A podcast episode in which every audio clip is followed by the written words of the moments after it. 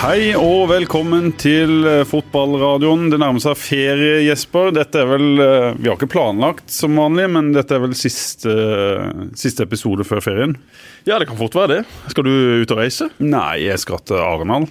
Ja. Sørlandets Perle en tur. Ja, ok, ok. Men er det noe stort som skjer, så henter vi det inn i studio, altså. Ja, ja, ja. Da er jeg på jobb. Alltid på jobb. Nei, Det nærmer seg ferie for uh, folk flest, og en del andre har jo da tatt ferie, eller avspasering, som lærerne kaller det. Jeg bor jo sammen med ei som er i permisjon, men alle hos sine kolleger på KKG har jo nå gått ut i ferie, og nå koser de seg. Kjetil Tveit han så jeg var nede i Danmark, eller hvor i all verden jeg var. Marius Johnsen han traff jeg faktisk i Porsgrunn tidligere i uka, for da var jeg borte på uh, talentleir til uh, Norges Fotballforbund. Mm. G15, G16, de er da samla der, sånn som jeg sjøl var i 2001 eller noe sånt. Så da var jeg borte da skulle lage en uh, liten sak og da traff jeg på mye fine folk. Hva gjorde Marius da? Hva sa du? Hva gjorde Marius da? Marius var der borte sammen med en del andre vigørere og en del andre da trenere fra Agder. Rett og slett borte for å lære, for å utveksle litt erfaringer osv. Så, videre. så de tok seg bare en kjapp kjøretur bort for å se om det var noe å hente. Og sammen med alle Stabæk-spillerne så var det vel en også fra Vigør der. Det er jo eh, fryktelig mye østlendinger på disse lagene. Veldig mange østlendinger. Og var det sånn å forstå at av Jeg vet ikke hvor mange uttatte det var til både landslag og skyggelandslag. Skyggelandslaget er altså da de som er i skorpa, de som mm. er like bak. De har nå da blitt tatt ut på det vi kaller for et skyggelandslag. 55% nærmere 60% østlendinger, er det ikke Jo, men sånn? fra Agder var det, var det tre av 180 spillere. Og. Mm, og to var keepere, vel. Ja, altså Det er jo helt sjokkerende tall. Mm. Og Så god oversikt som de forskjellige kretsene har, så vil jeg tro at dette her i alle fall er rimelig sånn som det skal være. Steinar Skei var jo kritisk på Twitter. Han mente at er det sånn å forstå at det kun er gode fotballspillere på Østlandet? Det vet ikke jeg nok om, men det sier men det går... i alle fall litt om ja. at det gror fortsatt for dårlig her nede i sør. Ja, så må vi huske at det bor vel 2,5 millioner mennesker på Østlandet, som er omtrent halvparten av Norges befolkning. Så at halvparten er østlendinger er kanskje ikke så Men det skulle vært flere fra Sørlandet? Absolutt. Det er det må vi, hovedpoenget. Det må vi sjekke hvorfor det ikke er Jesper. Det skal vi ta og sjekke litt opp i. Men vi har fått en strålende gjest i dag, altså! Jøssa meg! I dag blir det sommerfest, i dag blir det god stemning. Vi skal selvfølgelig innom en del eh, sport, men også en del andre ting. For denne karen her, han har det beste fra flere verdener. Han har vært nå på Østlandet i flere år, hvor han da har studert studert. Han har nå tatt turen hjem. Mm. Han har kjøpt seg hus, fått seg robotgressklipper, fått seg en flott kjæreste. Jeg tror ikke hun er gravid, men det blir hun sikkert en gang i framtida. Så denne karen her er i ferd med å bli voksen. Super-Mats Stokkelin, velkommen. Tusen takk. Veldig hyggelig å være tilbake igjen. Ferdig utdanna tannlege! Ja, det er så utrolig deilig. Det tok ti år, men nå er jeg i mål. og Nå flytta jeg flyttelasset hjem på mandag og begynte å jobbe i går. Kjøpte jeg hus på Hånestangen? Det har jeg. Ti meter fra barndomshjemmet. Fantastisk. Robotklipperen, den har du fiksa. Den kjører nå, ser jeg? Den kjører nå. Den fikk jeg på plass etter hvert. Men vi må gå rett i materien på dette huset til, ja, til Mats. Dødshuset, som, vi kaller det. Hånes, Dødshuset. Hånes heksehus, har jeg ja, kalt det. Huset. Et fryktelig dyrt hus for IK Start. Ja. har jo eh, sabla ned ikke bare én, men to trenere. Først bodde Mark Dempsey der i et par eh, måneder, mm. og så var det ut. Ja. Så kom Kjetil Rekdal. Han bodde der litt lenger, og så men, var det ut. Ja, under et år. Ja. Så det er jo to trenere på et år det som har bodd i mitt hus, som har forsvunnet fra, fra klubben. Så, men jeg skylder, nå har ikke jeg bodd der sjøl, så det får være naboen sin uh, skyld. Det, men det er det huset du bor i nå, der Dempsey og Rekdal har vært? Det er der jeg skal flytte nå, ja. ja. Og du har eh, fiksa renovert huset? Nå har jeg renovert det, for det var jo tydeligvis Det var en svinesti etter de gutta hadde bodd der? Ja, det var det, altså. Det, var det. det så ikke ut. Så nå må jeg totalrenovere hele huset, så jeg bor der ikke enda, men uh, flytter inn nå i høst. Kanskje er dette konfidensielt Eh, materiale, Mats. Men hvordan har din kontakt med de to eh, trenerne vært? Nei, De har jo ringt meg hvis de lurer på hvordan de tar på en uh, lysbryter f.eks. Og hva man gjør når internettet går ut. ikke sant? Og, og den slags ting. Hvordan vaskemaskin funker.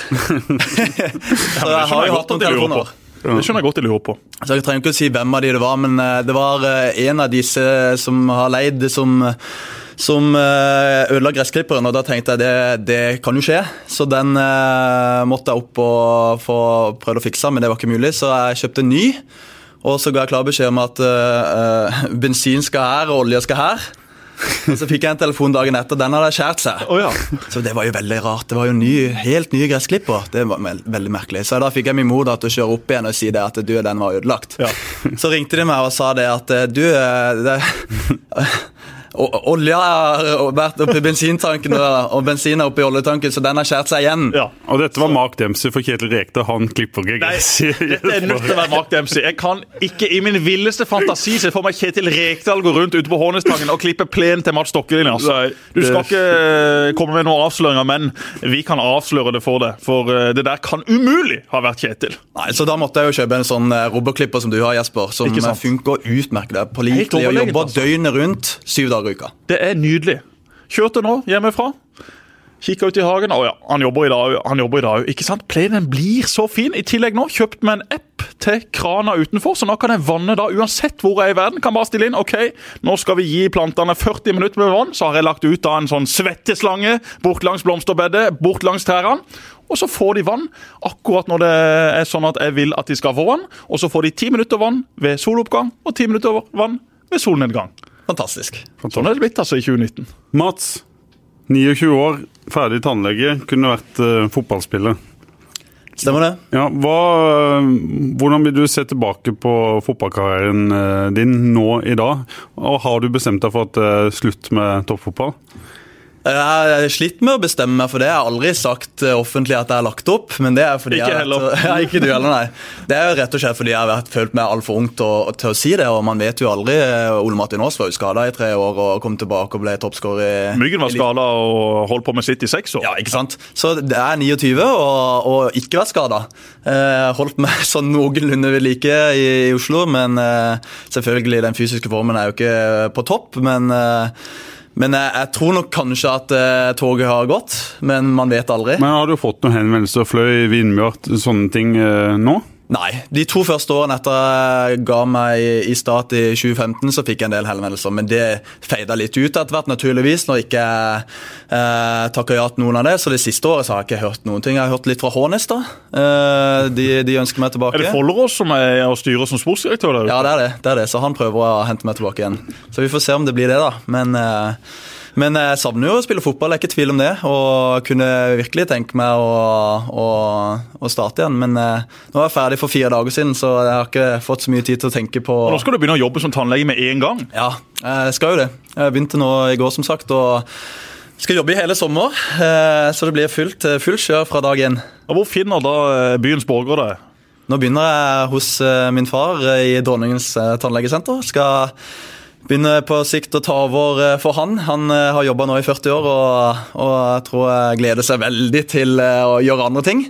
Så da mm, er jeg veldig heldig som får lov til å komme inn eh, i en veletablert eh, bedrift der. Mats, vet du, smart gutt, gikk jo alltid rundt i garderoben og delte ut sånn sportsdrikk. Som da var mest sportsdrikk og veldig lite vann, sånn at da han i fremtida skal kunne fikse tennene våre. Ja, For mye eksempel sukker. eh, Og... Espen Børufsen han sliter jo voldsomt med kroppen, men kommer også nå til å slite med tennene sine etter hvert. Har jo også drukket veldig mye kaffe, og kaffe er vel ikke så bra for tennene. Nei, altså kaffe er bare, nei, Du får litt misfarging, da, men det er jo den sportsdrikken som du sier. Det Men jo, misfarginga, den kan fikses. Ja, ja, Det det er fikser kaffe er base, da. Det vet jo eh, Mats.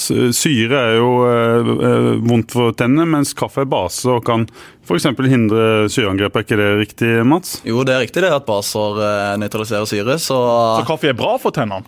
Ja, altså ikke for mis, eh. Du får misfarging, men Ja. bortsett fra det så er det ikke noe galt med å drikke litt kaffe. Ok, Men vi kan jo bare sparkle og male de tennene. Ja, ja, ja, det er ikke noe Sånn er det blitt i 2019. Ja, sånn har det blitt. Er det. Jeg begynte å drikke kaffe, og jeg drikker veldig mye kaffe om dagen. Ligger på fem til ti kopper. Veldig greit, altså. Du begynte å drikke kaffe i fjor?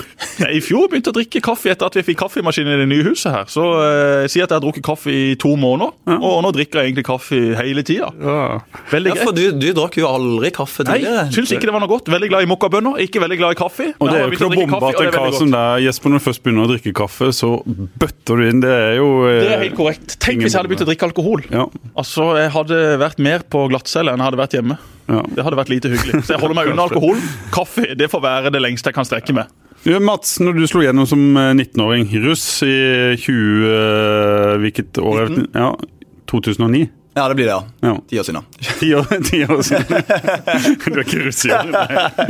Russ 2009. Jeg, Er du sånn at du er russ idet du går ut av tannlegeskolen òg? Ja, det man- ja, men det er jo egentlig det. Så ja, ga- ganske ukjent, og så kommer du inn og øh, bøtter inn mål i Eliteserien på et halvt år. øh, Plutselig Bøtta jo ikke inn mål, bøtta inn perlemål. Ja. Det var jo bare volleyer og brassespark. Og så ble du allmannseie i egentlig Fotball-Norge. Årets øh, komet i 2009, eller hva, jeg husker ikke hva eh, tittelen var på den prisen du, du fikk. Hva, hva så du for deg da når du kom inn og, og skjønte at du kunne, kunne skåre mål på øverste nivå? Det skjedde jo veldig fort. Det var jo en, eh, det var jo en Jeg følte jo at jeg begynte å bli gammel. Jeg var 19 år, og det var ikke eh, Jeg hadde ikke fått så mange sjanser før det. Da jeg var 17-18, så hadde jeg bøtta inn mål på Start 2 uten at jeg følte helt jeg hadde fått de sjansene jeg kanskje hadde fortjent. Jeg hadde to innhopp året før i førstedivisjon, selv om vi hadde en eh, god sesong der og det var mange muligheter hvor jeg følte at kanskje jeg kunne få litt innhopp. Eh, Og så var jeg jo ferdig på videregående det året og tenkte vel i hodet mitt eh, allerede da at hvis ikke jeg fikk noe kontrakt før sommeren nå, så, eller innen, innen sommeren, så, så må jeg kanskje vurdere om jeg skal begynne å, å studere allerede da. Og da var det jo tannlege også hadde sikta meg inn på. Så allerede i 2009 så hadde jeg jo søkt på, på tannlege i, i Oslo før jeg hadde eh, debutert på A-laget til start. Så den søknaden var i boks, bare for sikkerhets skyld. Og da så jeg egentlig ikke så mange signaler på at jeg kom til å, å få noen kontrakt. Og, og var jo litt eh, lei meg for det og frustrert og sto på. Og så husker jeg veldig godt at da det eh, Nå vet jeg at eh, Jesper elsker russetida, og når jeg kom i russebukse på trening, da fikk jeg noen stygge blikk fra Jesper, for da tror jeg han kunne dengt meg ned. Det glemmer jeg ikke. Eh, men eh, da var det litt sånn at nei, nå, nå hadde jeg ikke vært med på noen ting gøy eh, i, på hele videregående. Ikke noe i russetida, ingenting. Bare trent og lest. Trent og lest, trent og lest. Så kom april-mai, da, den eh, måneden hvor det skjer mest med, med russetida. Og så fikk jeg beskjed om at nei, det var ikke med i noen av de første, første lagoppstillingene, eller på benken for den saks skyld for A-laget. Og så fikk vi fri av Frode Fredriksen samme helga som eh, landstreffet i, i eh, Stavanger. Så tenkte jeg sånn Nei, pokker heller. Nå hiver jeg meg med. Så etter treninga på fredag Dette var vel midten av mai, eh, eller begynnelsen av mai. Og da heiv jeg meg, kjørte, meg jeg kjørte i bilen til landstreffet, fikk noen billetter, ringte noen, og hadde en fantastisk fredag. Og kjørte på igjen på lørdag. Og hadde aldri hatt det så gøy i hele mitt liv. Helt eh, Nå husker jeg ikke hvem som ringte. Eh, Hvem var det Det var vel assistenttreneren i, i eh, 2009. 2009, hvem var det vi hadde som trener? Eh, Knut Ørum. Knut Hørum, assistenten i Knut. eh, Han er Frode Fredriksen. Nei, det var før Frode. Men i hvert fall, de ringte, de ringte fra start da. Og nå er det sykdom i laget. Ja. Skulle spille første eh, runde i cupen mot Trauma. Ja. Og der du sykla og ødela beina dine. for Stemmer godt, det. ikke det? Stemmer det. Og så fikk En, ti, en tirsdag eh, eller Dette, onsdag dette var søndag. Ja. Så Kamp mot Trauma på søndag. Jeg var i, Ja. i, i, i Kongeparken lørdag når jeg fikk den telefonen. Lørdag kveld. Og da fikk jo jeg panikk. Og måtte jo bare hive meg legge meg inn på et uh, hotellrom og, og drikke vann. Og, og tenkte sånn, ja ja, eh, jeg kommer jo til å sitte på benken uansett. De trenger jo bare noen uh, til å sitte på benken. Så satt jeg jo naturligvis på benken, drittrøtt og holdt på å sovne. Og så ble Bolanjo skada Ja. i pausen, så, så han måtte gi seg. Så fikk jeg beskjed om at Mats, du skal, du skal innpå. Og jeg hadde jo ikke spilt et sekund ikke sant, tidligere. Og så hiver jeg på meg og så tenker jeg, ja, nå, nå røyk den sjansen. Nå har jeg vært forberedt i, i, i tre år på den muligheten. Og så nå kommer jeg rett fra Kongeparken. Liksom, nå endelig, nå har jeg gitt opp. Så kommer jeg inn, og så, så går det jo vanvittig bra, da. Jeg får eh, tre muligheter og skårer tre mål. Og, og vi vinner. Det var 1-1 til pause, og vi vinner 4-1. Og, og det gikk jo knallbra. Og da har det jo mai måned. Det var jo, eh, det var jo kamper på løpende bånd. Og da fikk jeg jo beskjed at vi skulle, de, de, vi skulle til Brann i Bergen den 16. mai. Dette var bare noen få dager etterpå. At jeg skulle få lov til å være med på, på benken der, da. Charterfly til Bergen. Ja, riktig det. Så jeg var jo i ekstase over for i hele tatt lov til å være med. Og så fikk jeg jo fem minutter på slutten der og lå under 1-0. Så skåret jeg 1-1-mål der. Første tippeligamål. Nydelig volley på bakerste stolpe. Ja, fantastisk. Og da var det gjort. Og da var det gjort. Og da var det ett mål i neste kamp tre dager etter. Tre dager etter der to mål mot Bodø-Glimt, og så, så skåret jeg vel seks-syv mål på, på, før sommeren, tror jeg det var. Og da, da var det gjort. Da fikk jeg kontrakt eh, i juni-juli det, det året der, og så balla det bare på seg. Så det var jo en, Men har du tenkt på om den turen i Kongeparken kan ha utløst eh, et eller annet for deg? Jeg tror det. Jeg tror det var noen tunge skuldre og en del press på at nå måtte jeg prestere. og Det kan være det at når jeg bare eh, fikk dratt bort og tenkt på noe annet og hatt det like gøy, at det var det som gjorde at jeg bare senka skuldrene og, og klarte å prestere den eh, søndagen. Det, det har jeg tenkt på mange ganger, at det kanskje var den utløsende faktoren. Så det var mulig at det var det jeg trengte. Hvordan opplevde du alt oppstyret rundt, da? Fra å være en relativt ukjent kar til å, til å være en av de heteste i Fotball-Norge? Nei, det var jo mange i startmiljøet som ikke engang visste hvem jeg var da jeg fikk debuten min og ikke sant? Og plutselig i løpet av to uker så visste hele, hele Norge hvem jeg var, og det var jo et massivt trøkk, for det var rett før den Eh, altså ungdomsrevolusjonen hvor det kom en del unge spillere. Det var mye snakk om at det var mye eksport, eh, import eh, fra, fra utlandet. og og de henta mye dyre spillere fra Afrika. Det var ikke så mye satsing på unge spillere, så selv om jeg var 19, så ble jeg ansett som veldig ung da. Eh, og det fikk enormt fokus og vanvittig mye presse. Og det tok jo helt av. De sto på døra og ringte på.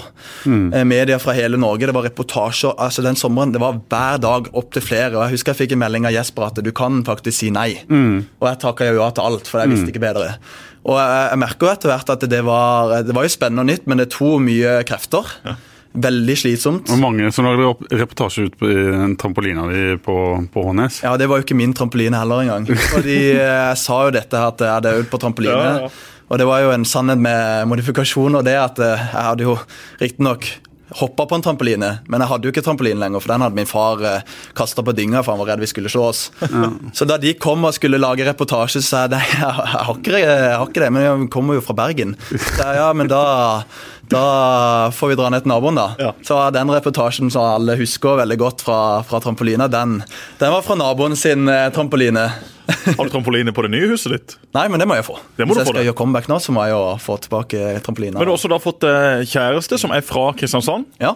Så hun da har bodd på Østlandet. Skal hun også nå flytte hjem med det? Ja, vi må jo det da. Ja. Jeg må jo få tilbake, Nå er jeg jo i jobb enda og trives egentlig veldig godt i den jobben, men eh, i Oslo.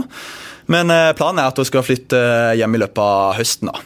Så da skal vi eh, flytte sammen i huset på Hårnes. For ei tid for Stokkelin, altså. Og for ei tid for oss på Sørlandet. Vi får Stokkelin hjem, sommeren er på vei. Nå skal du ut og kose deg i skjærgården også, fiske litt. Du har jo din far rett borti nabolaget, som du sier, og han har båten liggende klar. Han har båten liggende, så nå skal jeg fiske og trekke tenner i hele sommer. Og teiner. Ja. Tenner og teiner. Tenner og teiner. Ja. Det er bare én bokstav i forskjell, faktisk. Men eh, da, eh, da så du for deg en lang og god karriere på toppnivå, eller var det tannlegesporet fortsatt eh, aktuelt da?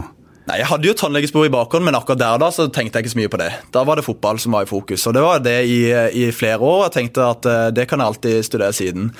Så gikk det jo veldig bra det første året, så gikk det litt eh, middels andre år, uten at jeg, føl jeg følte at folk eh, hadde veldig store forventninger til meg andre året mitt i start. og da var Ole Martin Aas tilbake og gjorde en fantastisk sesong. og meg Han var litt like, så jeg spilte litt i andre posisjoner. Litt venstrekant, høyrekant, hengende spiss. og og skåret vel fem mål og hadde vel en fem-seks av siste året. Følte vel egentlig at det var en brukbar sesong, selv om jeg fikk et inntrykk av at folk mente det var en, en dårlig sesong.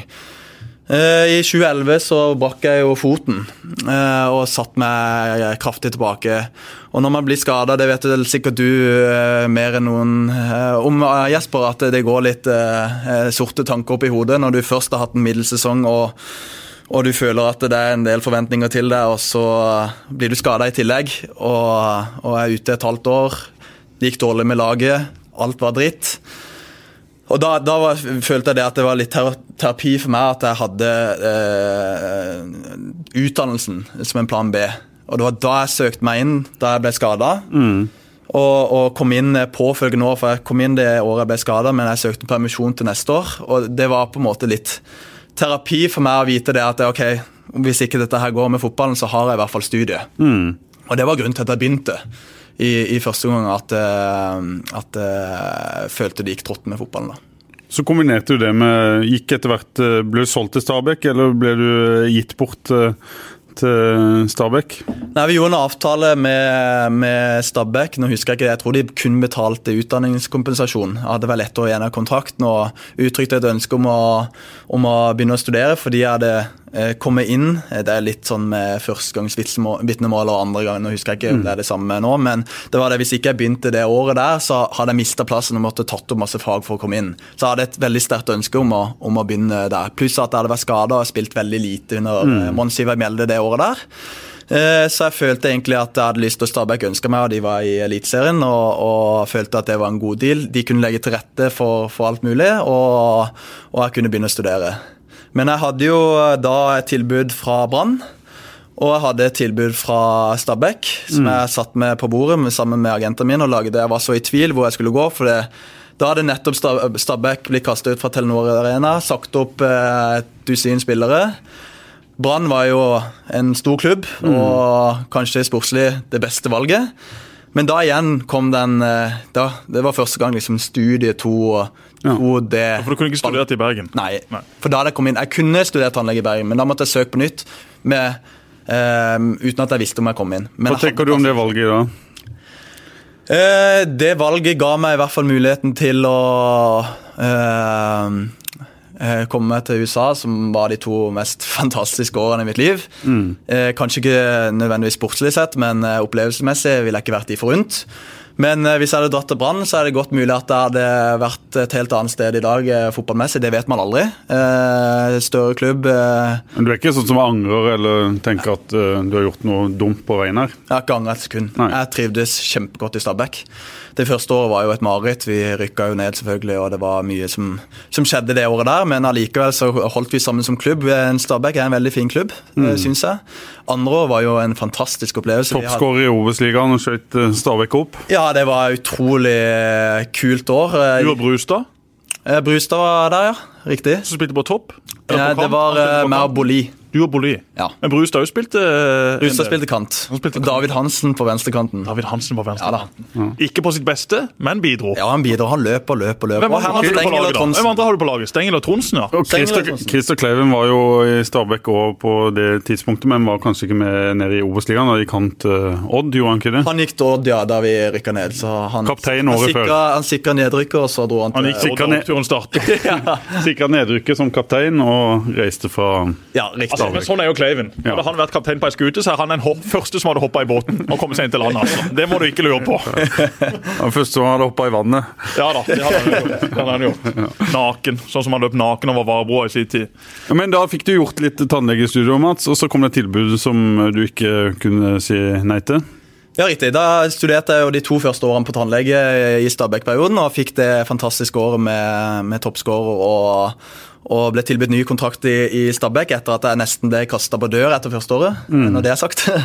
Inge André Olsen ga meg klar og tydelig beskjed om at ikke jeg var brukelig, og ønska at jeg skulle forlate klubben. da. De var villige til å betale også for at jeg skulle dra fra klubben. Ja. Men jeg hadde jo studiet, så jeg sa du vet hva, det det, det, skjer ikke. Snakka du noe, på noe senere tidspunkt eh, med Inge André om den samtalen igjen? Jeg blir invitert på årlig Allstar, eh, eller hva heter det, gamle helterfest eh, ja. på hytta til Martin Andresen, så jeg må jo ha gjort noe riktig etter det, da. Ja. Meg og Inge André Olsen er gode venner i dag. og han var bare ærlig og kjempedyktig i det han gjorde. Han sa det som det var, og det stemte sikkert òg. Så jeg, altså det, det, det syns jeg var bare en helt ærlig sak. Det at du fikk den beskjeden, kan det ha gjort noe at uh, du da faktisk kom deg opp på et Ja, det kan, godt være, det kan godt være, for jeg ble fly forbanna. Og, og, trente som aldri før. Og jeg leverte jo den sesongen jeg hadde i, i, eh, i Obos-ligaen, riktignok ikke Eliteserien, men da, da, hadde jeg en veldig bra sesong. Og vi rykka jo opp det året med et uh, rekordungt lag. Det var, jeg tror det var 19, kom, altså 19 år uh, i gjennomsnitt, det laget som rykka opp.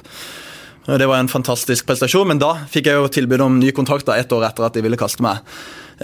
Bob Bradley kom inn, fikk trent med han i tre måneder. Eh, fantastisk trener. Det, det noe, altså, jeg, jeg, fikk en aha-opplevelse. Mm. Bare den eh, altså, måten han eh, han, tilstedeværelsen og, og, og, hvordan han var på treningsfeltet, og altså, hvor nøye han var. og Det var, det var en fantastisk opplevelse å være han. Så Det, det er uten tvil den beste treneren han har hatt. det må jeg jo først og fremst si. Ja. Så jeg var jo veldig i tvil. Jeg hadde jo tenkt å signere ny kontrakt, og takk vel muntlig ja egentlig til en ny kontrakt med Stabæk. Og hadde egentlig veldig lyst til det. Hadde mm. studiet, hadde Stabæk på Bradley Eliteserien. Men så ringte de da dagen før eksamen faktisk eh, fra USA og sa det at du, det, mm, vi ringer fra USA. Uh, vi har sett deg. Men så ringte da? Det var assistenten i, i assistenttreneren i New York Cosmos. Så jeg tenkte jo at dette er bare tull. Så jeg bare Du er opptatt, jeg skal ha eksamen i morgen, så dette har jeg ikke tid til. Og så Jeg trodde det var Kjetil Flygen som drev med ja, ja, det sant. Alt, tulletelefon. Jeg ble jo lurt av Kjetil Flygen til å tro at jeg var Norges mest sexy 20-åring. ja. eh, og etter det, det så har jeg blitt paranoid. og Jeg tror ikke på noen ting og tør ikke å ta telefonen. Så det eh, har blitt skada for livet. Ja. Men eh, igjen så trodde jeg ikke noe på, på, dette, så jeg la jo på. Og helt til agenten min ringte og sa du hadde fått en telefon, så sa jeg ja, det var bare noe tull. Så jeg tror du burde ta en, ta en prat. Og så ringte de opp igjen, da, og da hørte jeg jo litt mer hva de tenkte. Hvilken klubb det var, for så vidt. Det hadde jeg ikke fått med meg i første gang. Eh, for det ringer jo mye rart. Det har jo sikkert du opplevd. At det, det, er jo agenter som ringer, og mye rare tilbud og klubber som ikke du har hørt om. Ja. Så 99% av det er bare tull. Jeg trodde jo dette var det. Men da var det New York Cosmos i New York. USA er veldig glad i USA og elsker New York. Og da, altså to pluss to for meg, da tenkte jeg det at dette var veldig spennende. Men, hadde, men, sa vel egentlig det at nei, nå har jeg muntlig takka ja til, til eh, Jeg hadde sittet i møte med Bob Bradley dagen før oh, ja. mm. og egentlig sagt det at jeg er med deg. Ja. I'm with you, Bob. Ja, Ikke sant? Eh, og, så, og, så, sier de det at ja, men før du signerer den, den kontrakten med, med Stabæk, så vil vi gjerne bare få det over, så kan du se. Så de bestilte da tur rett etter eksamen til New York for meg. Eh, to dager. Reiste du alene? Nei, for det, da, da, var jeg jo litt i tvil. Da Da ble jeg begynte tvilen å komme, og, og, og, var veldig i tvil på hva jeg skulle gjøre. Så det, det jeg gjør når jeg er i tvil, da ringer jeg min bror mm. eh, Pål. Tidligere storkeeper. Ja, han har vært i Start, han nå. Eh, han har vært min eh, støttespiller og rådgiver. Altså, hver gang jeg har vært i tvil om noe, så har jeg ringt han, og han har bestemt for meg. Så han har tatt alle valgene i, i min karriere. Det er uten å kødde. Når jeg gikk til Stabæk, så var det han som sa at det var lurt. Og når jeg signerte ved Start den tida, og med kontrakt og alt Men Ga du beskjed til Stabæk om at du skulle reise til New York? Nei. Nei. Nei for da hadde jeg fri for å ta eksamen. Og du og Paul du tok med Over vannet til USA. Ja, så jeg, tror jeg ringte min bror og sa du, eh, nå har jeg fått et tilbud, jeg må ha deg med. Eh, så du må ta fri fra jobb. Og han sa ja, da tar jeg fri, jeg blir med. Han er jo glad i reise, vet du. Så, så han, jeg trengte ikke å be han to ganger. Så han eh, heiv seg rundt og ble med til New York. Vi dro dagen etter. Ble selvfølgelig lagt inn på et eh, fantastisk hotell midt på Manhattan. Henta i en fantastisk bil på flyplassen og ble jo behandla som konger, så de, de, visste jo hva de gjorde. Ble tatt imot av en hel delegasjon eh, og kjørt til hovedkvarteret og så jo bilder av Pelé og Beckenbauer på veggene og pokaler. De, de spilte der på 70-tallet mot slutten av sine karrierer? Det stemmer, så de var jo innom der i storhetstida, forrige storhetstida til New Cosmos på, på 70-tallet. da da fotball var eh, stort i, USA forrige gang. Eh, og ble jo uh, mektig imponert av dette her, og var ute og spiste. Er veldig glad i mat, der òg, så de, de trykka på alle de riktige knappene. Var ute på en nydelig restaurant eh, med he hele administrasjonen. Hadde jo ikke opplevd maken, ikke sant. Jeg, jeg, jeg skrev jo under startkontrakten min på kjøkkenet til Rune Jacobsen på Hånes, ikke sant. Så dette var jo noe helt nytt. Og så ble jeg jo fryktelig i tvil av hva jeg skulle gjøre, og så sa, det, så sa de det at jeg måtte bestemme meg nå i løpet av denne turen. 48 timer. Fikk du kontraktsforslag? Hadde du to eh, kontraktsforslag ja. liggende? Ja. Så hadde det til Stabæk da òg, og så hadde jeg det nye til Kosmos. Det var jo ikke noe uh, store summer, for så vidt. Så det var ikke noe økonomisk eh, motiv for å dra dit. Stor, Kan du si noe om uh, summene, Mats? Sånn, hva, hva ligger, ligger, det på? Nei, i, i Altså, nå hadde jeg jo I Stabæk så, så tjente jeg ja, hva var det? Jeg fikk vel en 450 mm. i, i, årslønn der. Så det var jo helt OK, og, og var fornøyd med det med tanke på at jeg fikk studere. Men Men eh, det var nok eh, eh, kanskje det dobbelte i USA, da. Ja. Så det var jo en Og litt sånn fri leilighet og transport og ja, så jeg, fikk jo, jeg hadde jo ikke noe, noen Og så hadde jeg jo en dollarkurs som, som økte i 40% i løpet av de to årene, så det var den største inntekten jeg hadde. Ja. Eh, så jeg fikk, jeg, der, det var For første gang i min karriere, da, det gjorde jeg ikke Stat, ikke Stabæk, men for første gang fikk jeg faktisk spart lite grann. da. Ja. Eh, så det var jo veldig greit, um, uten at jeg ble rik på det. Og, og kunne leve resten av livet på den lønna der. Men det var ikke det, det økonomiske, det var den opplevelsen jeg, jeg gikk for da. Så meg og min bror vi fikk en time på oss til å bestemme oss. Jeg kasta min agent ut, for han sa kjør, kjør, kjør. For han fikk vel noe bra betalt, han. Hvem var agenten din? Eh, Jack Caradas, han var Ja. med. ja. Og så sa jeg du blir her, um, Jack. Eh, Paul, du blir med meg. Så gikk vi og satte oss på en, eh, en kafé i nærheten, og så sier jeg Paul, hva skal jeg gjøre? En time. Ja, en time hadde jeg på meg på å bestemme om jeg skulle flytte livet mitt. ikke sant? Studie, venner, Stabæk. Hadde du snakka med holdt på å si, universitetet eh, der du studerte? Nei, det var det jeg ikke hadde. Jeg hadde ikke tid til dette her. Så jeg visste ikke om jeg fikk permisjon, jeg visste ikke om de tillot dette. Det kunne være at jeg mista de to årene jeg hadde gjort, for de er veldig strenge der. Tenkte Så du også på Bob Bradley der? jeg tenkte veldig dag, nei, To dager før så hadde jeg vært på kontoret hans, og han er litt skremmende. Ja, ja, ja. Eh, og, og sagt ja muntlig. Så det er jo ikke helt sånn etter boka, dette her. Men, men eh, så sier jeg til Pål, eh, min bror, at eh, Nei, nå det, det ble litt for mye for meg. Det skjedde nå det, nå, det ble, Jeg må si nei. Jeg klarer ikke. Jeg, må, nå har jeg studie, vi har rykket opp med Stabæk, jeg snakker med Bob Bradley, jeg takker ja, alt til, så jeg har vennene mine, jeg trives kjempegodt i Oslo. Jeg, jeg, jeg kan ikke si ja til dette, selv om dette høres fantastisk ut. Og så sa min bror, husker jeg, Mats, denne her muligheten her får du aldri igjen, mest sannsynlig. Du, øh, jeg skjønner at dette er skummelt, men hvis det blir ille, så flytter jeg og bor sammen med i New York. Så, så du må takke ja til dette her. Det er ikke, det er ikke, noe, det er ikke noe tvil. Så sier jeg ja, mener du det? Ja, jeg flytter på dagen hvis det er det jeg må gjøre. Så sier jeg ja vel. Så gikk jeg opp, signerte kontrakten. Og så, meg, nei, og så hadde vi jo tre timer til, til flyet skulle gå, da. Så jeg signerte kontrakten. Og så var det jo den eh, medisinske undersøkelsen. Så på vei til flyplass måtte vi innom Queens eh, Hospital. Kjørte innom der. en super, Da sto de på sånn, det var sånn eh, samlebånd med alle de legene. Så sjekka alt mulig. En halvtime, og så var det på flyet. Så var det klarert.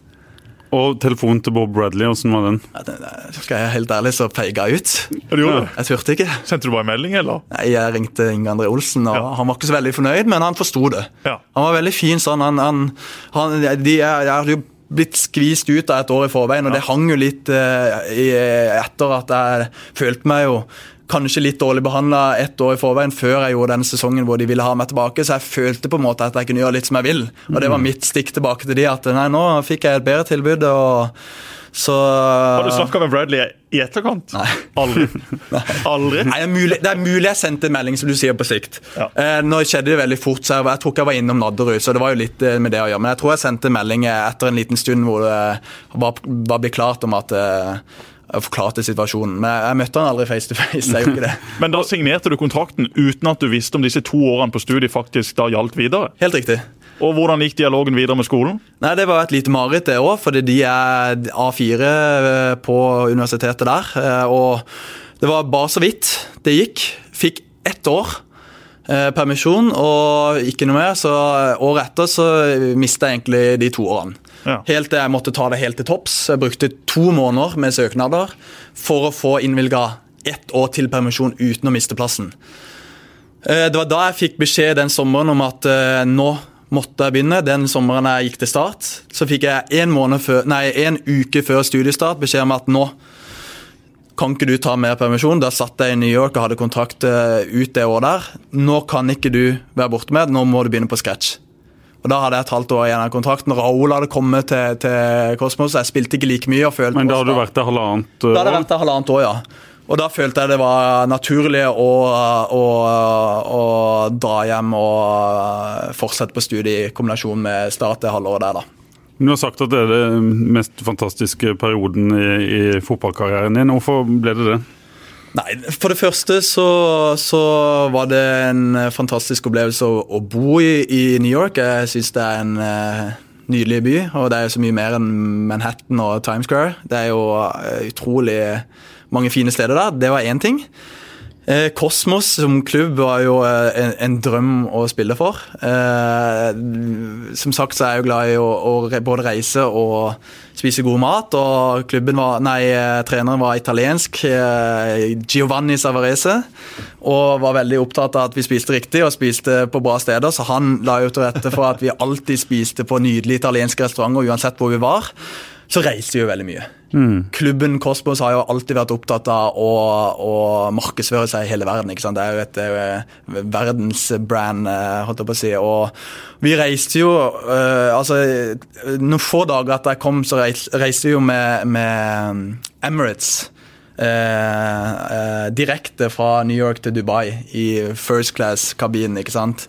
Og det var jo det var en helt annen standard enn den jeg noen gang hadde opplevd. Jeg følte meg som en konge. Mm. Savna ikke Nadderud da? Nei, det gjorde jeg ikke. det. Jeg kom fra Nadderud til det her. og og jeg må jo innrømme at For første gang så følte jeg meg som en eh, skikkelig fotballproff. da, det var mm. sånn Jeg har sett på TV og ja. lest om disse. Nå følte jeg meg som en av de, ikke sant, og hadde folk til å bære bagasjen min. Eh, jeg, Før hadde jeg båret Jesper sin bagasje ikke sant, og tørka skoene hans sine. Nå var det noe som gjorde det for meg.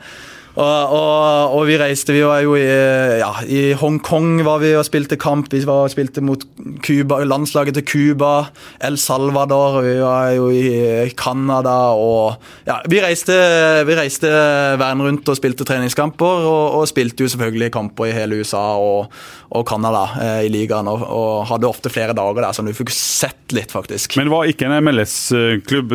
Seriesystemet i USA er jo litt innfløkt for, for oss uh, europeere der det er lisenser og penger det handler om, mer enn opp- og, og nedrykk? Ja, det stemmer det. det, det, ligaen het eh, North American Soccer League. Og det ble beregna som nivå to, da, altså under MLS. Men det var jo ikke noen muligheter for å rykke opp mellom de, de eh, to ligaene, nettopp pga. det med penger. Du må kjøpe deg inn i en franchise. Og det var ikke eieren i, i Kosmos eh, interessert i. De var motstandere av det systemet som var og mente at man burde gjøre det som man gjør i resten av verden og i Europa for øvrig. Og, og Derfor var ikke de villige til å De hadde muligheten til Det var ikke det økonomiske det sto på, men de var ikke villige til å spytte inn de pengene for å være en del av et system ikke de ville være en, en del av. da. Men du fikk testa deg mot uh, noen av MLS-lagene, en cup i USA bl.a., der du fikk en rå uh, opplevelse? Ja, det var jo en fantastisk opplevelse. Det var det første eh, lokalderbyet på eh, hva var det, 50 år mellom to lag, profesjonelle lag fra New York. Det var New York Red Bulls, eh, hvor Jan Gunnar Solli og Soler har vært innom, blant annet. Og, og, og oss, da. Eh, som vi spilte i hva var det andre runde, tredje runde i cupen. Som er litt tilsvarende den cupen vi har i Norge, at da møtes alle lag fra de forskjellige ligaene.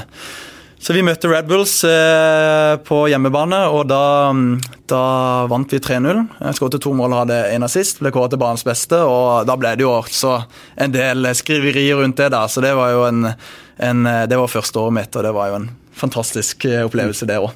Men Fikk du da andre tilbud etter uh, den type prestasjoner, og kamper og perioder? Ja, jeg fikk tilbud fra New York Red Bulls samme året.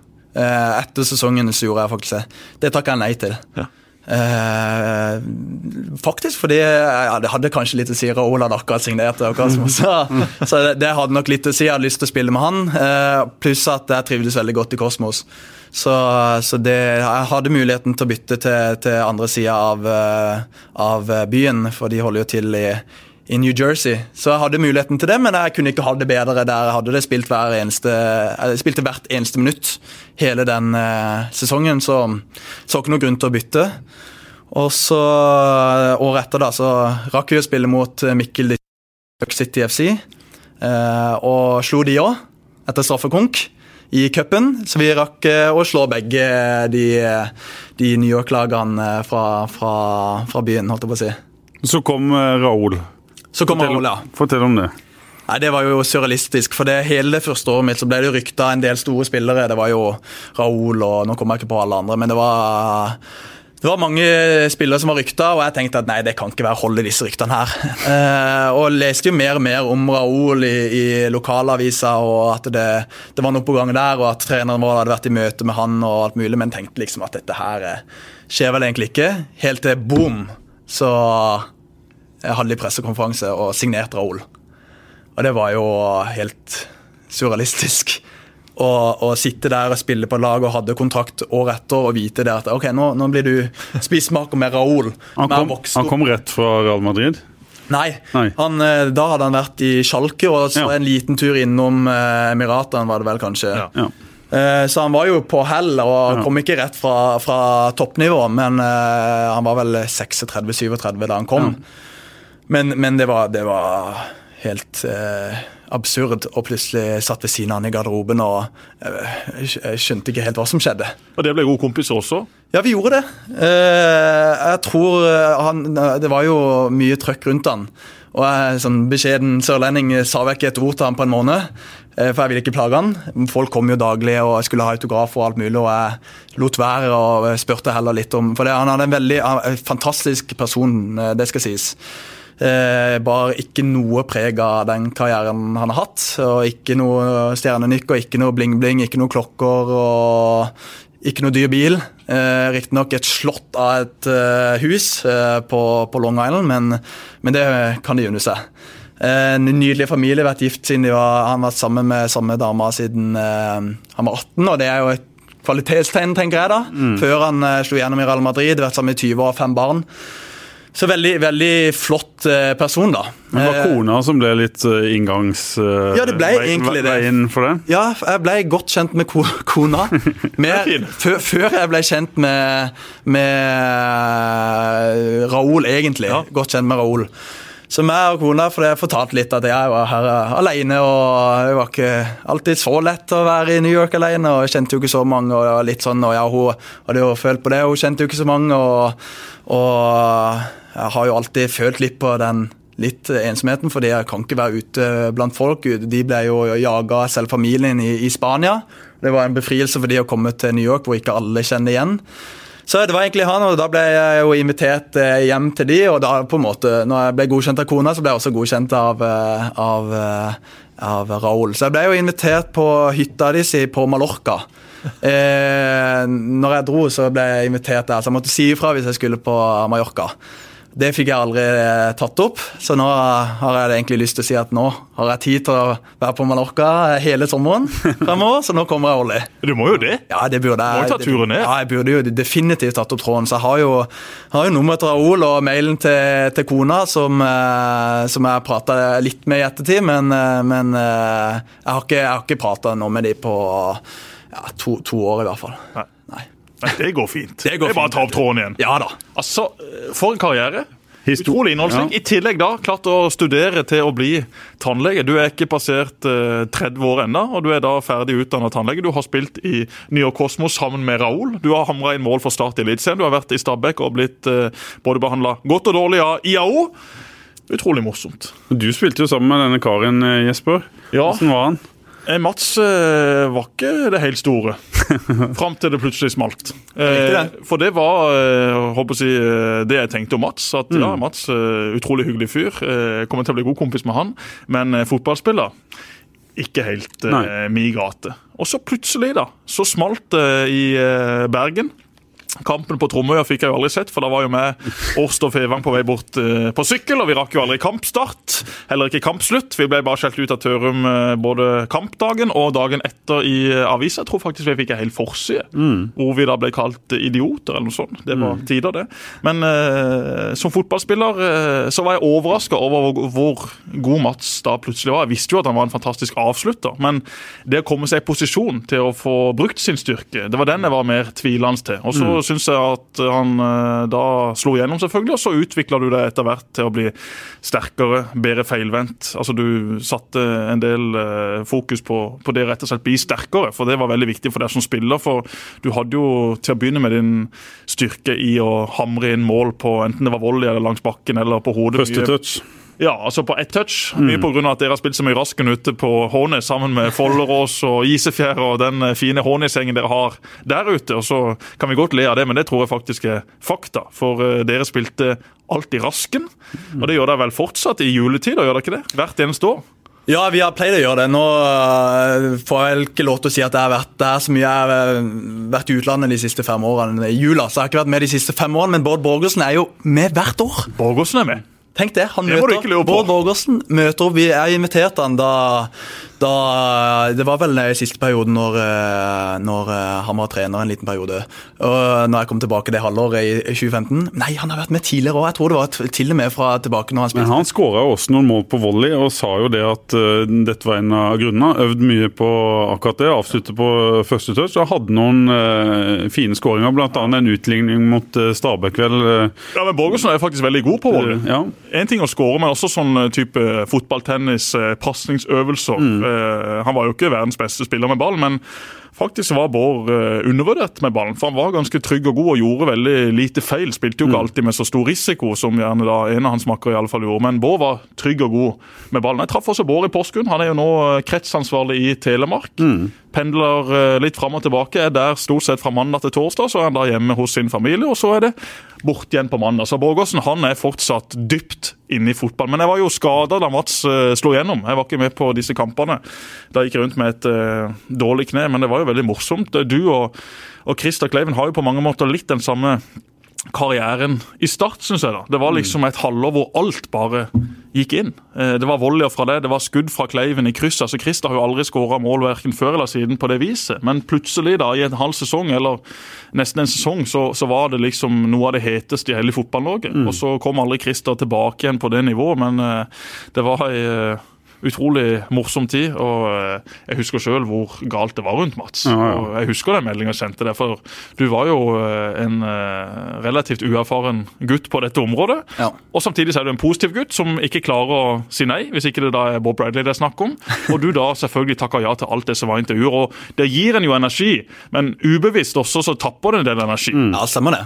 For du skal trene, du skal spille kamper, du skal reise, og du er nødt til å hvile. Vi ja. fulgte jo etter Mats opp på en hytte oppe i eh, Valle. Jeg skrev jo masse om Mats på den eh, tida. Det var jo jeg som hadde ansvaret for, for startdekninga. Eh, ja. Så jeg prøvde jo å ødelegge han det som best jeg kunne, men det gikk ikke, altså. Ja, men Det er jo en del av gamet. Skal du opp og fram, så kommer jo det trøkket en eller annen gang. Men det var bare positive ting som Ja, ja det var derfor det var gøy og kjekt. Men det er som Jesper sier, det at jeg syns jo dette var bare stas. Jeg synes det var dødskult, eh, hele greia, men det er det ubevisst så, så, er det en slitasje der. Som kom senere det året der, at nå merka jeg mentalt jeg var, jeg var uh, sliten. Men det var jo, ikke sant, vi hadde, vi hadde vel hva var det, seks dager ferie på sommeren, ikke sant, og etter det, de to første månedene med vanvittig trøkk, så skulle jeg opp uh, til Ose, oppe i Setesdalen, og da kom jo Pål ikke sant, opp og, med hele lasset og skulle lage reportasje der. Så vi skulle være tre dager der på hytta til en kompis, og skulle være tre dager i Göteborg.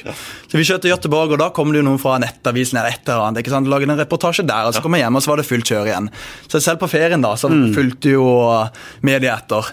Eh, og jeg takka jo selvfølgelig, ja, jeg kunne jo lett ta Men jeg tror det var akkurat i ferien at jeg fikk den meldinga der òg. Jeg tror det var da jeg var i Göteborg og du hadde sett at nå hadde Feven vært Du kan faktisk si nei. Og din far var jo med på dette hysteriet. Eh, sa jo da at Mats Stokkelin minner han om Alan Clark, og det var jo en svær tittel i, i Federlandsvennen. Minner om Alan Clark, og vi kom på jobb og så Håvard Karlsen har skrevet denne saken, og alle spurte hvem er Alan Clark? Ja, ja hvem i all verden er det? Ja. Det var en uh, spiller da, som er født på 40-tallet en gang, som oh, ja. din far hadde sett i England, sikkert spilte på 60-tallet. Men uh, ja, The Sniffer var det han eh, ble kalt. Det det, ja? Clark. Ja. Nei, altså, Han visste jo å snakke i titler, han. Han visste jo også hvordan han skulle da markedsføre både klubben og uh, ikke minst da sine spillere. Det var jo en grunn til at det ble annonsert at Myggen skulle gjøre comeback den dagen han gjorde comeback, mm. sånn at arenaen skulle selges ut. Og det samme var jo på mange måter ting han sa rundt Bolanos, som mm. var veldig het, men som han da gjorde enda hetere med å si at han solgte hytta si før han solgte Bolanos. var ikke ja, det han sa? Da ja. Bolanos var rykta til Trondheim. Det var mm. ikke snakk om å selge han opp dit. Og for oss som da vet hvor stor pris han satte på hytta, så kom den hytta aldri til å bli solgt. Spring, is that you? Warmer temps mean new Albert styles. Meet the Superlight Collection, the lightest ever shoes from Allbirds, now in fresh colors. These must have travel shoes have a lighter than air feel and barely their fit that made them the most packable shoes ever. That means more comfort and less baggage. Try the Superlight Tree Runner with a cushy foam midsole and breathable eucalyptus fiber upper. Plus, they're comfy right out of the box. So, what can you do in a superlight shoe? What can't you do is the better question. And because they're super packable, the real question is where are you taking them? Experience how Allbirds redefines comfort Visit Allbirds.com and use code SUPER24 for a free pair of socks with a purchase of $48 or more. That's A L L B I R D S.com code SUPER24. Men du spilte sammen med disse guttene, Bolanjos i, i Start. Hvem er den beste du har spilt sammen med? Det er jo kanskje litt ledende spørsmål når Bolanjos blir nevnt der, men var han beste spilleren i, du har spilt med i Start? I Start uh, så er det uten tvil Bolanjos, uh, vil jeg si. Ja. Altså det, det, er litt eh, som Jesper nevnte i stad. Min styrke og min svakhet var jo nettopp det at jeg var avhengig av Min svakhet var at jeg var avhengig av å ha gode spillere rundt meg for å få frem min styrke. Og Det har vært i hele min karriere, og jeg har vært best og skåret mest mulig mål når laget rundt meg har fungert. Og Bolanjos gjorde at jeg var god. Da hadde du Bolanjos på høyre, du hadde Børhusen i form på venstre, Fevang bak meg og, og, et lag som egentlig var som skapt for at jeg skulle få frem mine ferdigheter. Mm. Og det er nok ikke tilfeldig at jeg skåret så mye mål da. Og kanskje ikke har skåret så mye mål i sesongen etterpå. Mm. Men sesongen din i Stabæk i Obos-ligaen, det er vel kanskje din beste fulle sesong? Ja, det er nok min beste. Da leverte jeg hele sesongen. Da hadde jeg jo ja, jeg skåret mye i cupen det året, skåret mye i serien og hadde mye assist. og definitivt, Men det var jo Obos-ligaen, så du kan ikke sammenligne det helt. Men allikevel, da hadde jeg en hel sesong hvor jeg var eh, på et uh, bra nivå. Men så er jo karrieren til Mats også ganske fin å uh, se på, med tanke mm. på at uh, det var ikke den enkleste veien opp og frem. Du var ikke den som alle så på når vi nå snakker om hvem blir den neste toppspilleren eller toppspissen i Start, og så plutselig så var du der. Du var ikke en som spilte alt av kamper på U-landslag. Du var ikke en som ble løfta fram før du plutselig sto der. Og det er jo det mange spillere, om ikke sliter med, så blir det liksom litt nedfor at ja, men hei, skjer det noe snart? Skal jeg gidde å holde på med dette? Skal jeg egentlig bare finne på noe annet? Åssen var, var, du som barnefotballspiller, Mats? Nei, nå gikk jo jeg gradene. Jeg gikk fra Hånes ganske sent, da jeg var 15. og Begynte jo på guttelaget i IK Start. Seint? Sier du sent etter å ha bodd så lenge på Østlandet? Sa jeg sent nå? Ja. Oi, det er ikke Det er litt for pent, altså! Oi, det er pent. Vi må si seint! Seint, Mats! Ja, litt seint, da. Uh, for det var jo bare, var jo bare uh, altså I Hånes var det jo bare kjekt, men det var jo ikke noe så veldig det, altså, profesjonelt opplegg. Men jeg hadde det veldig gøy der, og så gikk jeg til Start og hadde gradene der med guttelaget, juniorlaget og Start 3, Start 2 og så etter hvert A-laget. Så jeg gikk jo gradene og følte det gikk relativt uh, seint. Eh, seint. Der sa det. Nå er vi der. Nå er vi der. Nå begynner vi å snakke. Nå snakker vi. Og, og, og, som mange andre unge i dag, tipper jeg spesielt i start, nok, var nok jeg òg litt utålmodig og følte kanskje jeg hadde fortjent sjansen. Og levert godt på andre laget og, og trent på, på, på A-laget og følte jeg gjorde det greit der. Men, men, plutselig, det er det som er så fascinerende med fotball, for det snur så fort.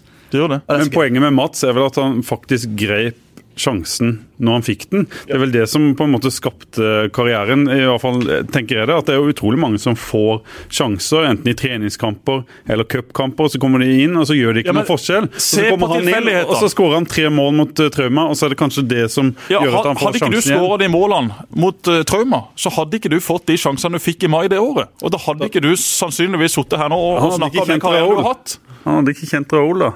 Nei, Du hadde ikke kjent Raoul, og du hadde ikke uh... Det er mye tilfeldigheter, som du ja. sier. Selvfølgelig er det det. Ja, Hvis ikke jeg hadde skåret de tre målene der, da hadde ikke jeg blitt med til Bergen og skåret det målet der. Da hadde ikke jeg fått kontrakt det året. Tror jeg. Det var jo Bergen som kickstarta hele greia. Det var Bergen som gjorde det, og Jeg hadde ikke fått de fem minuttene i Bergen hvis ikke det hadde vært for de tre målene i, i, på Tromøya. På Tromøya, ja. Så det er, sånn er det altså. selvfølgelig mye tilfeldigheter. Sånn, sånn er, det. det er som livet ellers. Ja, det er det. Men vi må snakke litt om eh, andre ting enn Mats Stokkelin også. Mm. Fra Larvik. Med et par gutter da som eh, ble sendt eh, av gårde fra Kristiansand og Start, eller de følte iallfall ikke at de fikk et godt nok tilbud her i Kristiansand. Mm. Og nå står de altså i en kvartfinale i cupen.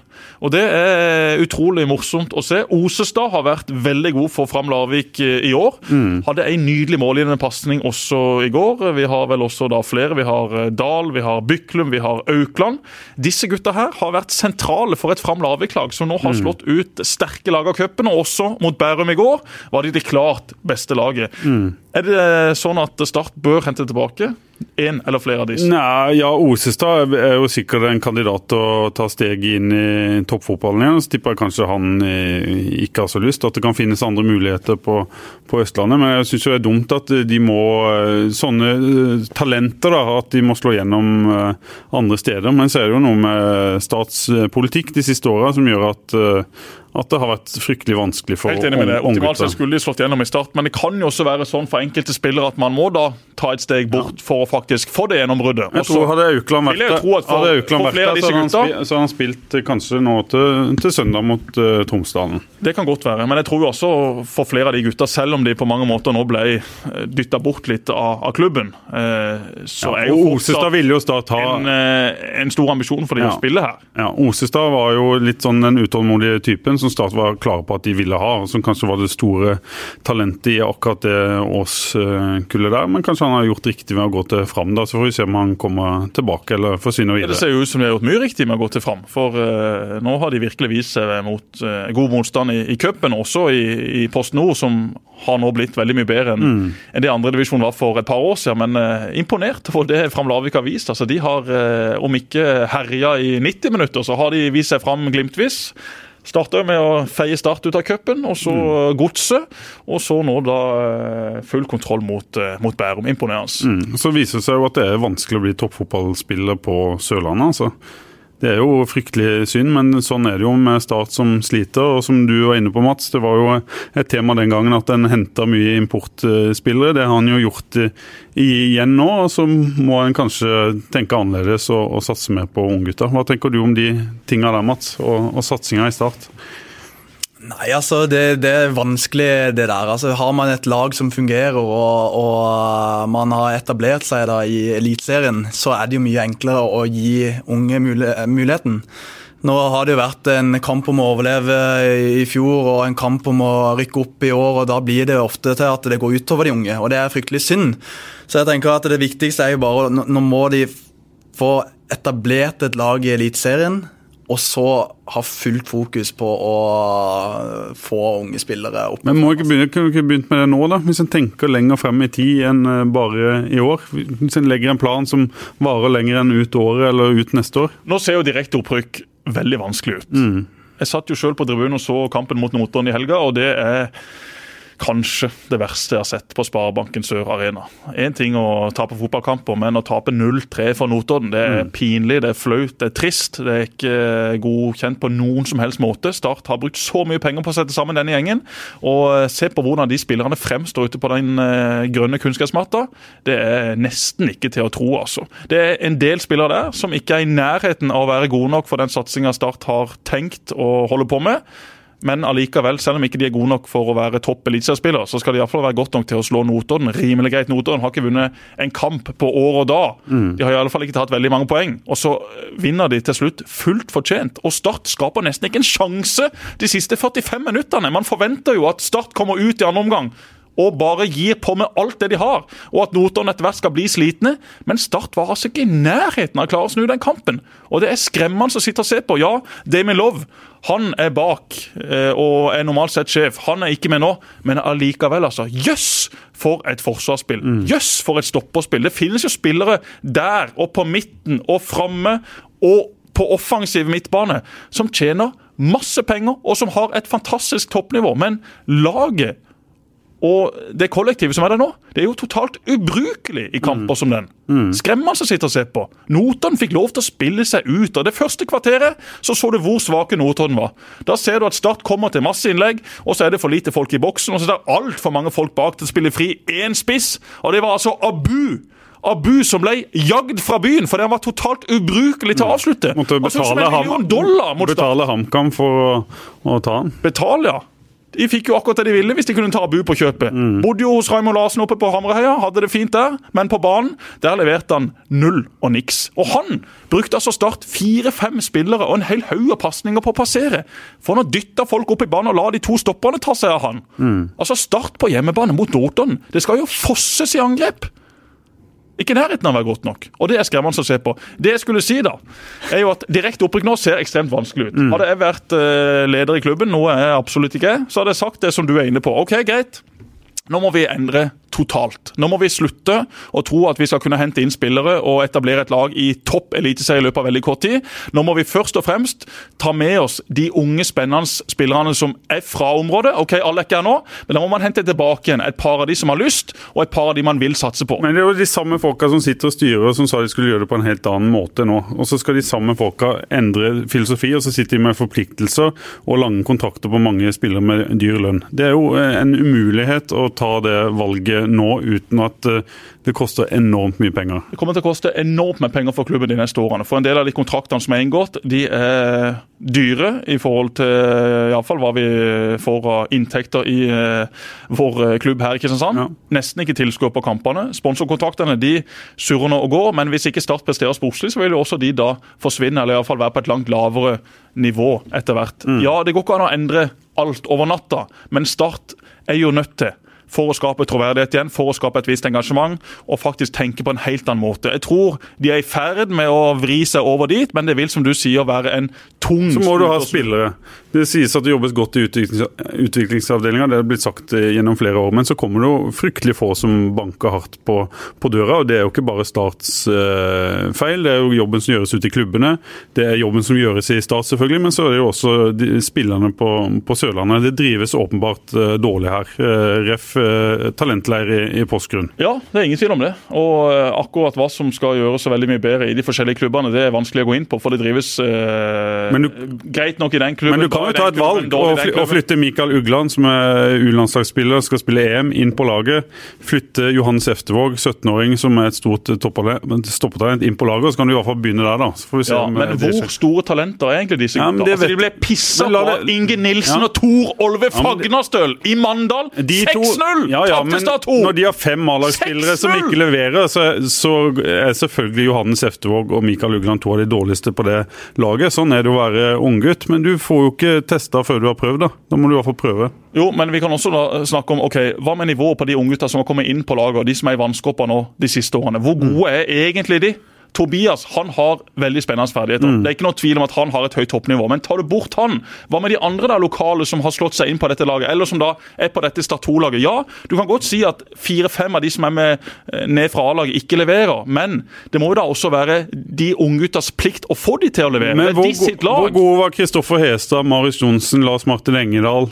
Når de debuterte for Start. Hvor gode var de, og hvor mye hadde utviklinga de, eh, av de spillerne si at de faktisk fikk spilletid på A-laget til Start, og at de måtte spille? Marius Johnsen var jo en eh, late bloomer som ja. veldig få hadde tro på. Kristoffer Hestad var jo ei barnestjerne fra veldig ung alder. Det samme var Lars Martin Kleivane Engedal. Så De to var jo dominerende på sine U-landslag. Hvor mange spillere i Start nå er dominerende på sine U-landslag? Veldig, veldig få. Én ting at man er med i troppen, men hvor mange er blant de beste i sitt kull? Det er jo det vi må se på, det er jo det vi må måles på. Det er jo mm. der klubben har lyst til å komme. Ja, det gjøres mye bra i U-avdelinga, masse flinke folk, men snart må man begynne å se resultatene av det. Men de som er på U-landslaget, er jo ofte de som spiller på A-laget òg, da? Helt klart. Mats, U-landslag. Du fikk noen gode opplevelser der òg? De beste U-landskamp har jo sagt det med en gang var mot eh, England i England. U21-landslaget. England-Norge. Ja, riktig det. Vi spilte mot uh, U23-landslaget til, uh, til, England før de skulle ut i, i uh, EM det året. Så var oppkjøringskampen deres, da, så vi spilte mot England i, i Southampton. og det... Til England? Ja, Chris Malling og Phil Jones. Kan du si hva du vil om de, men jeg syns det var ganske ja, ja. Altså, fine karrierer, de. Ja, da. Vanskelig å si noe på det. Ja, nei, så det var jo veldig... Du vant ti av ti luftdueller mot uh, Chris Malling. Ja, Om ikke ti av ti, så vant jeg flere enn jeg tapte. Eh, mot begge de to. Jeg spilte en veldig god kamp, syns jeg sjøl. Ble kåra til Banens nest beste? Eh, banens, altså I hvert fall Norges beste. Jeg fikk en ja. pris, i hvert fall. Jeg husker ikke hva det var, men det var i hvert fall eh, en pris for en god prestasjon etter den kampen her. Eh, og vi tapte jo riktignok 2-0, så jeg regner med at det var en på England som fikk banens beste-prisen. Men det var jo det var jo et lag bestående av stjerner, og det var kult å spille mot dem. Hvem andre var på det laget? Er det noen du Ja, altså Welbeck spilte jo. Uh, han Sturridge spilte jo. Uh, han godeste uh, backen på Tottenham, hva heter han? Rose spilte. Ja. Uh, ja, det var, mange, det var mange Det var bare stjerner, og de har spilt i ti, ja, nesten ti år nå i Premier League, alle, alle sammen. Så det var et eh, lag eh, med mange gode spillere, og vi spilte en veldig god kamp. og det er jo det det U21-laget som har gjort det veldig bra i ettertid. Nå ble jo, jeg er ikke en del av det laget som var i, i EM to år etterpå. Uh, slet jo med, med, skade det året der. Så det hadde jo selvfølgelig vært stort å være med på, men, men, det var en god generasjon i hvert fall. Mye bra spillere og klarte å levere på et uh, høyt nivå. Derav Eh, EM-sluttspill to år etterpå med samme, samme gjengen. Kom det noe tilbud etter det? Har du hatt flere i løpet av karrieren din muligheter eller til prøvespill eller klubber som har tatt kontakt og vil har det? Ja, det har vært så mye, mye rart og mye altså Det har jo vært noe konkret òg, selvfølgelig, men det, det, har jo vært eh, det, Jesper kan jo sikkert uh, si det samme. altså du, Etter hvert så bruker du ikke noe tid på det. Så. Men det kom ganske mye den første sommeren når du slo igjennom? Ja, da var det jo Jeg husker jo altså, til, Schalke var jo på banen. jeg tror til og med selv, altså det var, flere, det var flere klubber som var på banen. For meg var ikke det aktuelt i det hele tatt. Min drøm var å spille for Start. Jeg kunne gjort som Thomas Rogne. Eh, han var jo i Stabæk samme året, og vi kjente godt hverandre fra U-landslaget. Han eh, eh, slo jo gjennom før de hadde tilbudt han kontrakt. Så han sa bare nei, nå er jeg kommet på radaren. Nå går jeg til Celtic, Celtic og har en god lønn og spiller fast der. og og er kynisk og tenker på meg sjøl. Jeg hadde ikke den kynismen i meg, jeg har aldri hatt det. Det kunne jeg sikkert eh, gjort at jeg hadde både tjent mer og, og gjort det bedre, men, eh, men jeg hadde bare lyst til å spille i Start. Det var det eneste jeg hadde lyst til. Så jeg signerte jo en kontakt kontrakt der, og selv om jeg hadde helt For jeg hadde jo skåret fem tippeligamål og var på radaren i både Norge og sikkert utafor Norges grenser før jeg hadde signert kontrakt med Start. Jeg var jo mm. Free, altså free transfer. Jeg kunne signert med hvem jeg ville. Mm. Og jeg hadde klart å markedsføre meg så bra at jeg hadde faktisk muligheten til å, til å Var det norske klubber som, eh, som kom allerede da? Både norske klubber og utenlandske klubber før den tid, faktisk. Ja. Som hadde henvendt seg til Nå vet ikke jeg hvor konkret det var, det var min eh, agent, samme agent eh, Jack Harla som to sa det, men men det var jeg feide da, jeg ville ikke høre om det. Det var Start jeg ville ha kontrakt av. Så det var, ja. Men Pål, tilbake igjen til det vi snakka om for et par minutter siden. Du har sjøl barn i uh, ungdomsfotballen i byen, eller barnefotballen i byen. Ja.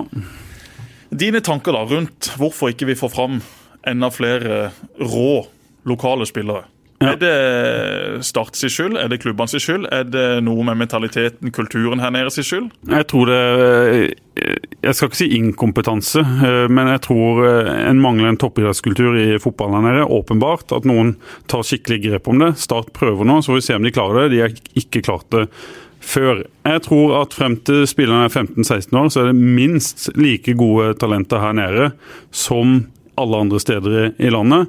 Og så tror jeg det er de åra mellom 14-15 og 19 der du utvikler fotballspillere, og der tror jeg vi på Sørlandet er altfor dårlige akkurat i den perioden til å vite hva som kreves til å lære alt om kosthold og trening og toppfotball, fordi vi mangler den kulturen. Og vi har liksom ikke et det finnes ikke en mønsterbruker som utvikler fotballspillere på løpende bånd, sånn som du har i andre deler av landet. F.eks. i Skien eller i Drammen har vært eh, gode i perioder. Og eh, nå ser det ut som Stabæk kanskje er de aller beste til de tinga der, og tar hånd om en systematisk talentutvikling som fungerer. Jeg tror det er der kanskje den store mangelen er. Og Skal Start komme seg opp igjen der alle i byen vil at de skal være, så er jo dette en av nøklene. Få fram flere unge lokale spillere som Start da kan bruke i x antall år. og Så kan de selge dem, og så kan de få inn penger til videre drift. Og Så er jo det minst like viktig at de som kommer da fra utlandet, for det vil fortsatt være utenlandske spillere i Start. Mm. De må jo være på et nivå som hever de som er der fra før, som setter et nytt nivå i treningshverdagen, i garderoben, ute i kamp. At ikke du da henter inn en hel haug av spillere som reiser bort til Mandal og blir pissa på av et par gamle råtne pensjonister. Inge Nilsen og Tor Olve Fagnastøl, strålende mennesker, fantastiske spillere i sin tid, på sitt nivå, men at de da liksom skal eh, være dominante mot Start 2, som da har spillere på banen som har kosta klubben flere millioner, og som mm. også har da spillere på banen som skal være de neste som skal inn på et A-lag. Det er flaut. Glem det. Det er flaut. Også, men en ting til i den eh, forlengelsen der. Jeg tror det er ekstremt viktig at at, eh, Start tar et valg. Hvis de skal satse på spillerutvikling, som de har sagt at de skal gjøre i mange år, og bruke masse penger, så må de òg tvinge spillere inn på A-laget. Litt den diskusjonen vi hadde i start. At selv om de spillerne ikke er gode nok, så må de få sjansen. De må få små drypp. Eh, Mikael Ugland, som er i A-stallen nå, han har, han har spilt ja, 16 minutter i førstedivisjon i år. Han kommer til å spille EM nå, og han kan fort forsvinne, han også. For han er en veldig spennende spiller. Hvorfor har ikke han starta en eller to kamper? Hiv han inn, ta han ut igjen. La han få de dryppa. La han få tillit. La han få uh, sjansen. I stedet for å, å, at han går og føler at han skulle ha fått sjansen, blir sur og begynner å tenke på hva skal, hva skal gjøre neste gang. Hvis klubben kommuniserer eh, i løpet av sommeren at eh, hei, sorry, vi prøvde å gjøre det på en måte. Eh, det var ikke den riktige måten å gjøre det på. Nå skal vi prøve å gjøre det på den måten vi da egentlig hadde lyst til å gjøre dette på. Vi skal satse på unge, lokale spillere. Vi skal bygge det over litt tid. Og dette er da vår nye hovedtrener som skal gjøre det sammen med oss. Ja. Hadde det vært noe som supportere, sponsorer, hadde tatt vel imot, eller ser de da på dette her som et totalt mislykka prosjekt? Eh, litt uh, tvilen til at de samme folka som sitter der har gjort det de har gjort nå, eh, skal gå og si det. Hadde jeg vært investoren i Start nå, så har, hvis de skal fortsette å være i klubben, så ville jeg ha tatt et steg tilbake. Henta den kompetansen som kreves i viktige nøkkelroller. Så kunne de folka, nye mennesker, kanskje ett ansikt eller to ansikt, om det er Atle Roar Haaland som tar et steg opp, om det er en ny ho hovedtrener, men at det er noen andre ansikter enn de som har kjørt dette i grøfta, som går ut og sier det. Jeg tror at hvis eh, de med pengene og de som har tatt eh, disse valgene, nå går en helt ny eh, retning og skal sjøl være med og ta beslutningene, at de ikke har den troverdigheten som kanskje kreves. Ja, du er en reflektert og, og flink fyr du, Jørgensen. Det er nok ikke så dumme tanker, det. La oss nå bare håpe at uh, det kan bli litt bedre etter hvert. For nå er det trist og leit, altså. Nå er det 0-3 for Notodden, etterfulgt av 0-6 for MK. 0-9 mot Notodden MK på et par timer. Da er det ikke veldig mange lys i uh, tunnelen. Da må man langt inn for å i det hele tatt finne noe men, som helst. Men altså går det an å se dette på flere måter. Viking hadde jo en ganske lik sesongstart som det Start faktisk hadde i, i, fjor. og var en del bråk uh, på forsommeren i fjor. De hadde vel fire eller fem tap på, på våren og tapte bl.a. 0-5 mot Nest Sota, som var et sånt bunnpunkt. Tapte jo 2-4 eller hjemme mot Tromsdalen ja. like før de vant de seks-syv siste kampene. Og så begynte ting å, å, rulle. og Dere vet jo det at og vi har snakka om det mange ganger, ting snur fort. Men jeg, jeg, begynner å tenke, er det noe med harmonien i klubben? Er totalsituasjonen med å påvirke spillergruppa? Det har sikkert også begge dere opplevd. at Hvis klubben sliter, hvis det ikke er harmoni, hvis det, hvis det snakkes om uh, andre ting enn fotball, hvis det handler om økonomi eller dårlige valg, så påvirker det en, en spillergruppe òg. Jeg vet ikke hva du tenker om det, Mats? Klubben må jo uavhengig før Mats slipper til ord her. Klubben må jo uavhengig om det blir opprykk eller ei endre tankesettet sitt. Tankesettet... De må legge en lengre plan enn uh, Helt enig. De, de, må legge en plan om hvor de skal være om fem og ti år, og så må de etterleve den planen. Koste hva det koste vil hva gjelder stolthet og økonomi. Ja. De kontraktene som ligger der, de vil fortsatt ligge der. Det vil være røde tall også de neste årene, men klubben må si OK, vet du hva. Om fem år så skal vi være en eliteserieklubb. Det kommer kanskje til å være tomt på stadion frem til den tid. Det kommer kanskje ikke til å være det store engasjementet, men skal vi få starte opp og være en stabil eliteserieklubb, som i dag tillegg skal drives i rimelig balanse, det er jo vanskelig nok i seg sjøl, så må vi gjøre det på denne måten. Mm. Og Det tror jeg faktisk folk hadde klart å godta. De hadde klart å akseptere at vet du hva, her var det noen som gikk all in. De satsa masse penger på å hente ja. inn masse spillere. Det feila. Nå må vi gjøre det på en annen måte. Som du sier, ta et steg tilbake, og så heller da begynne å se om ikke det er en smartere og finere måte å, å, drive Start på. Men det jeg var inne på, dere må svare på det. det. det. å være en klubb der det er mye uro hele tida, det skjer store ting, trenerforandring og lite kontinuitet og sånn. Hva har det å si for en, en spiller eller en spillergruppe? Altså Nå har jo ikke jeg opplevd noe annet enn uh, dette her i, i Start i tiår, si, både når jeg spiller og når jeg følger fra sidelinja. Det har jo vært sånn kontinuerlig siden uh, 2008-2009. Uh, mm. og etter hvert så venner man jo seg til dette her, at det er noe som skjer utenfor. Det er et kontinuerlig Det er alltid noe, da. Men når du kom tilbake i 2005, så var det vel omtrent bare Espen Børufsen som var igjen? Ja, det var det. Det var ikke mange igjen da. fra de, Det hadde skjedd mye utskiftninger bare på de årene der. så Det noe, var jo ikke noe kontinuitet. og Jeg fikk vel litt sjokk over uh, tingenes tilstand da jeg kom tilbake. Jeg hadde jo fulgt med godt fra New York, men ble, ble, ble litt tatt på senga over hvor Uh, hvordan tingenes tilstand var. Både kvalitetsmessig på trening og i, i, i, i kamp. Og, og at det, jeg følte det hadde vært et forfall på de tre-fire årene hadde vært borte. da. Mm. Men, men, det er jo problemet at eh, spillerne i klubben de bryr seg jo ikke om dette. Altså, De gir jo blaffen. Hadde dette gått inn på dem, så tror jeg du hadde sett at de faktisk hadde gjort noe helt annet ute på banen. Her er det en del ja, men er det, fordi, er det fordi de er i start, eller er det fordi de har henta feil spillere? Det Er fordi at... Er det pga. kulturen i start, eller er det pga. type spillere? Med... Jeg tror det er todelt. Jeg tror ja. det er begge deler. Jeg tror Kultur man har henta feil spillere og typer. Ja. Og at da kulturen i klubben nå ikke er så bra. Altså, Når spillere stiller opp gang etter gang i intervjuer uten en sponsorgenser, da blir jeg forbanna når jeg sitter der hjemme og drar opp avisa på min laptop i min brune skinnsofa. Mm. Da klikker det for meg. Jeg kan ikke fatte og begripe at det er mulig. Her er det altså noen som er inne og sponser klubben din, arbeidsgiveren din, som indirekte betaler lønna di. Når du da skal bli tatt bilde av i FVN, det er jo grunnen til at folk sponser deg, for de vil bli assosiert, de vil få logoen sin ut til mm. resten av byens befolkning. Det er en del Når du da stiller opp i en vanlig skjorte og skal liksom være så dandy og jålete og egentlig bare drite i de som betaler penger i de egen lommebok. Det sier mye om meg, om spillerne, som da ikke klarer å tenke sjøl, men også da at det mangler noen i klubben som kommer inn i den garderoben og sier hei, hvis det skjer én gang til, så er det 5000 kroner i bot. Da skjer det ikke. Det er ikke verre enn det. Hør på Jesper nå. ikke sant? Du kan tenke deg hvordan han var eh, da jeg kom eh, slo gjennom og begynte 16-17 år og skulle lære meg hvordan det var å være toppidrettsutøver. Det er da mm. De første treningene du er med A-laget, det er da du skjønner hva som kreves. Det er da du skal begynne å lære. Og når du har spillere som Jesper Mathisen, som setter så altså Hvis jeg kom der og ikke hadde sponsor, eller hva enn, kom i den der stygge russebuksa, ikke sant? Mm. så fikk jeg høre det, altså. Det var ikke greit. Kom jeg for seint, så fikk en saftig bot og ble skjelt ut.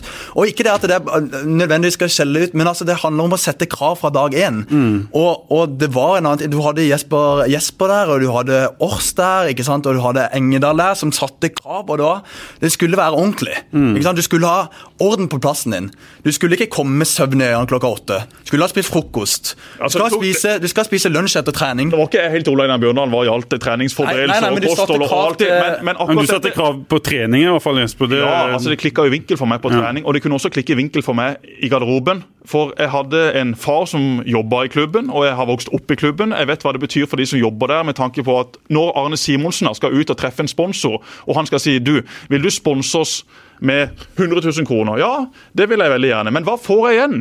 Jo, du får igjen da en gjeng med spillere som ikke gidder å tenke seg om før de blir tatt bilde av. Du får en gjeng med spillere som ikke vil eh, stille opp på sponsoroppdrag uten at de da er sure og gretne og føler at det er en stor belastning. Altså Dette er jo et totalbilde som også spillere må forstå. Og Da er du avhengig av ja, importene som kommer inn til klubben. De gir egentlig blaffen. De er solgt de må være, så, uke, de må de være så, så, gode at de hever alt andre. Ja, men allikevel, hvis det er noen lokale lederskikkelser i garderoben, så settes det krav til de også. Mm. Og jeg var ikke verdens beste fotballspiller, men jeg, jeg, det betydde alt for meg å spille i Start. Det betydde alt for meg at Start i alle fall skulle gjøre det rimelig bra. Og så gikk det ikke alltid så veldig bra. Men en del av disse kravene må komme på plass. Spillerne må oppdras. Og det også ser du igjen på banen. Vi kan snakke så mye vi vil om spillere som er henta inn for en altfor høy sum, og som har levert på et altfor lavt nivå. Mm. En logo som er skifta, som mange er uenig i. Altså, det er blitt gjort mange ting her som har gjort at Start ikke er det Start en gang var for veldig mange mennesker. Men jeg kunne sabla hver og en av de spillerne godt gjennom ting de gjør og ting de ikke gjør ute på banen. Jeg har sjøl tapt masse fotballkamper for Start, for Gimletroll og i de klubbene jeg har uh, vært i. Men det må iallfall være en viss stolthet. Altså, Dette er første kampen etter du har blitt pissa på Adem Gyven oppe på Kongsvinger. En ting at du går på ei etter å ha vunnet seks-syv strak og du kan slippe deg litt nedpå, men her har det vært altså fokus gjennom hele uka på at nå skal vi revansjere oss mot Notodden. Notodden og Tromsdalen gjenstår før det er en liten pause. Det skal bare være seks poeng, for da er vi med for fullt. Og så blir det 0-3.